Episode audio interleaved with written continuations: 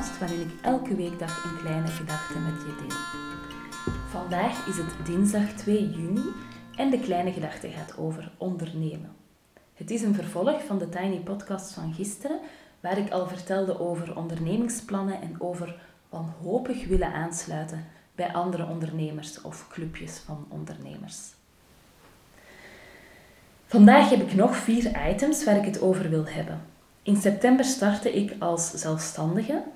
Ehm, ZZP'er heet dat hier in Nederland. en ik werk als organisatieadviseur en Deep Democracy facilitator in de Tiny Office. En ik bied cursussen aan waarin je op een leuke, diepgaande en creatieve manier aan persoonlijke ontwikkeling werkt in de Artist Way online. En die cursussen kennen verschillende varianten. Ik heb zowel fysieke cursussen op een locatie, uh, zeg maar, met één avond per week. Uh, als het geen corona is natuurlijk. Ik heb ook cursussen die je gewoon helemaal alleen online kan doen met opdrachten. En ik heb ook cursussen die een combinatie zijn van online opdrachten doen en um, in online meetings in groep of met mij individueel um, het proces bespreken. Oké, ik heb gisteren twee tips meegegeven, dus uh, vandaag uh, begin ik met de derde tip. En die is dat je het model moet durven loslaten dat je kent. Ik heb in mijn werkzaamheden als zelfstandige heel lang het model gekopieerd dat ik kende vanuit mijn laatste baan. En dat was werken met organisaties, veel en ver rijden, het soort trajecten nastreven dat ik al kende en zelfs een gelijkaardige uurprijs vragen. Met de coronacrisis ben ik eigenlijk in een heel nieuw model gestapt, mijn eigen model. Specifiek daaraan is bijvoorbeeld de combinatie van online en offline werken, bijvoorbeeld in de cursussen die clubjes zijn. Daar heb ik net al iets over gezegd. Ik ben overgegaan van vooral werken met organisaties naar vooral werken met particulieren. Ik heb dus een soort switch gemaakt van werken volgens wat ik kende naar werken zoals het bij mij past en bij de context waar ik op dit moment in zit. Een tip die ik daarover zou kunnen geven is om daar kritisch naar te kijken. Doe je de dingen zoals je ze graag wil doen, zoals ze best werken, zoals het meest voor de hand liggend is, of doe je ze zoals je ze kent, uit een andere context en mag je dat geheel of gedeeltelijk loslaten. Dan mijn vierde tip. Gisteren had ik het over de energie die ik investeerde om ergens bij te mogen horen, mee, mee te mogen doen met mensen van wie ik dacht of verwachtte dat zij het allemaal wel wisten en organisaties waarvan ik dacht dat ik zonder hen geen kans maakte. Dat betekent niet dat je geen aansluiting mag zoeken. Ik heb intussen een aantal partnerschappen op inhoud. En dat werkt pas als er gelijkwaardigheid is. En dat vraagt een heel goede afstemming. Dat klinkt als iets heel moeilijk om te realiseren, maar eigenlijk merkte ik dat die dingen een soort van spontaan op mijn pad kwamen. Je bent met een aantal dingen bezig, je ontmoet mensen, je ervaart een klik, er ontstaat een project om samen op te pakken, dat dus. En in die samenwerkingen heb ik besloten om volledig eerlijk te zijn met mezelf en de anderen. Eerlijk over de zakelijke dingen is vanzelfsprekend voor mij, daar hoef ik zelfs geen besluit over te nemen. Dat is gewoon mijn basishouding. Maar wat ik soms heb, is dat ik niet eerlijk ben als iets niet oké is voor me of als iets niet goed voelt. Dan ga ik dat bijvoorbeeld onderdrukken of wegschuiven of negeren. Dus heb ik besloten om dat niet te doen. En vanaf dat er in die samenwerking iets is waar ik vragen bij heb of twijfels of onrust, dan ga ik het gesprek daarover aan in plaats van het een beetje te proberen wegstoppen. Dat is in eerste instantie ongemakkelijk, maar eigenlijk voelt het best goed en het blijkt ook een soort basis voor gelijkwaardig samenwerken. Dus werk samen, beperk je daarbij niet tot één partner en zorg voor gelijkwaardigheid en laat je, dit, en laat je dus ook niet meenemen in het project van een ander, maar werk met elkaar aan gezamenlijke projecten. Dan de vijfde uh, bedenking ik had laatst een podcast gemaakt over geld. Dat was die van 21 mei. Ik hoorde van enkele mensen dat het fijn was dat ik daar gewoon een keer eerlijk over was, omdat geld iets is waar we relatief weinig over praten met elkaar. En ik hoorde ook van iemand dat ze het pijnlijk eerlijk vond. De basis is eigenlijk dat ik het moeilijk vind om geld te vragen voor wat ik doe en wat ik maak. En stiekem interesseert geld me ook niet zo. Maar tegelijkertijd is het voor mij en de klant, ik vind het woord klant ook al raar, maar goed, is het voor mij en degene waarmee ik werk wel beter um, als mijn projecten levensvatbaar zijn en ik het dus ook kan waarmaken. Dus ik moet echt stappen zetten in het comfort vinden in het omgaan met geld en het bepalen van een realistische prijs. En daar ben ik natuurlijk wel mee bezig, maar het is een complex thema voor me. En als ik zeg dat ik daarmee bezig ben, dan um, is dat niet zozeer op een heel gerichte manier.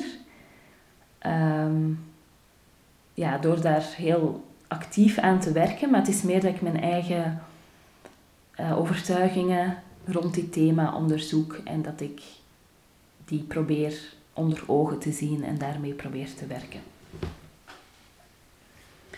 De tip die ik hier graag meegeef is dat geld gewoon een realiteit is waarmee je moet dealen, ook al vind je het stiekem niet interessant of relevant.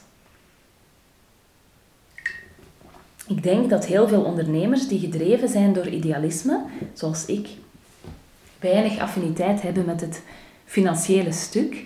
En toch is dat er ook en je moet er wat mee. En dat zeg ik net zo goed tegen mezelf als tegen anderen. En dan de zesde en de laatste. Ehm, ik heb hier een aantal marketingboeken liggen. Daar vertelde ik gisteren al iets over. En ik ben ook naar allerlei marketingbijeenkomsten geweest. En ik kijk natuurlijk ook om mij heen wat andere ondernemers doen.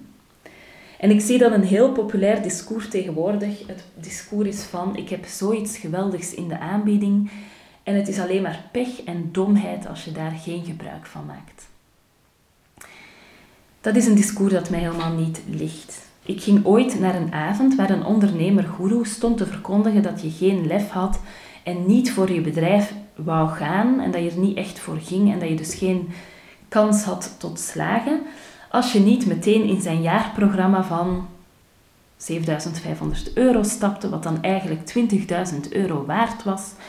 Um, en wat alleen was voor mensen die lef hadden en er echt voor wilden gaan. Dat soort dingen, dat ligt mij helemaal niet. Ik ging gewoon weg en ik voelde me al mislukt toen ik in de auto zat. Ik voelde mij gewoon echt mislukt. Um, ik liep, toen ik wegliep, liep ik zo langs de inschrijvingstafel waar uh, allerlei mooie ingehuurde dames, die ondernemers die dan allemaal in het jaarprogramma stapten, aan het oplijsten waren. En daar liep ik voorbij en ik liep naar de auto en ik voelde me echt zo klein en zo dom en zo kansloos. En tegelijkertijd dacht ik toen al, maar ook nu, dat ondernemers die starten heel onzeker zijn en vaak een grote wens hebben om er iets van te maken. Want ondernemen betekent vaak dat je zo een project waar je heel erg veel belang aan hecht, dat je daar eindelijk voor gaat. Het heeft vaak ook heel veel met jezelf te maken. Ehm, en dat betekent dus ook dat mensen die die stap aan het zetten zijn, zoals ik toen ook was, en nog steeds ben, denk ik, dat dat een heel kwetsbaar publiek is voor dit soort trucjes. En voor je het weet zit je dan in de problemen, omdat je een duur, een duur programma moet betalen dat je ook nog heel veel tijd kost. Uh, tijd die je niet in het ontwikkelen van je eigen bedrijf kan steken. En in zo'n programma word je in een soort van standaard traject gestopt met trucjes die inderdaad werken om bedrijven op te richten en te focussen en daarin bepaalde stappen te zetten, maar die volgens mij niet de enige weg zijn om het te doen en ook niet voor iedereen de juiste weg. Dus ik ben blij dat ik niet um, dat ik geen lef had die avond om in het programma te stappen. Ik werk met hart en ziel aan de dingen die ik maak, zoals mijn cursussen, en ik zet stappen om die aan te bieden aan de juiste mensen. En ik denk dat ik nog zeker wel allerlei dingen moet ontdekken om daarin mijn bereik wat te vergroten.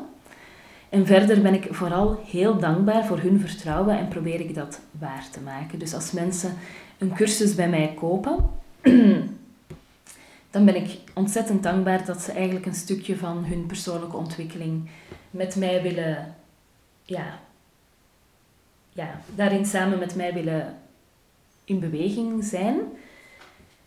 Ehm, en dat ze mij toelaten eigenlijk om een stukje mee te lopen op hun pad. Ik geniet echt met volle teugen van dat persoonlijke contact ook met mijn cursisten en van uh, die kans die ik dan krijg om een stukje betekenisvol met hen op weg te gaan. En ik denk dat dat uiteindelijk goed werkt, want ik zie dat een aantal van mijn cursisten ook telkens weer terugkomt.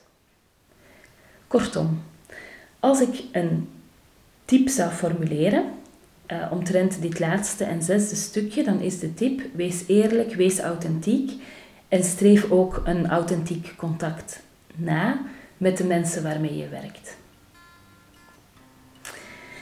En tot zover de Tiny Podcast voor vandaag. Je kan me volgen op Instagram, TheTinyPodcast. En je helpt me door deze podcast wat sterretjes te geven op iTunes, een review achter te laten. En of hem door te sturen en te delen met iemand die er ook graag naar luistert. Tot morgen!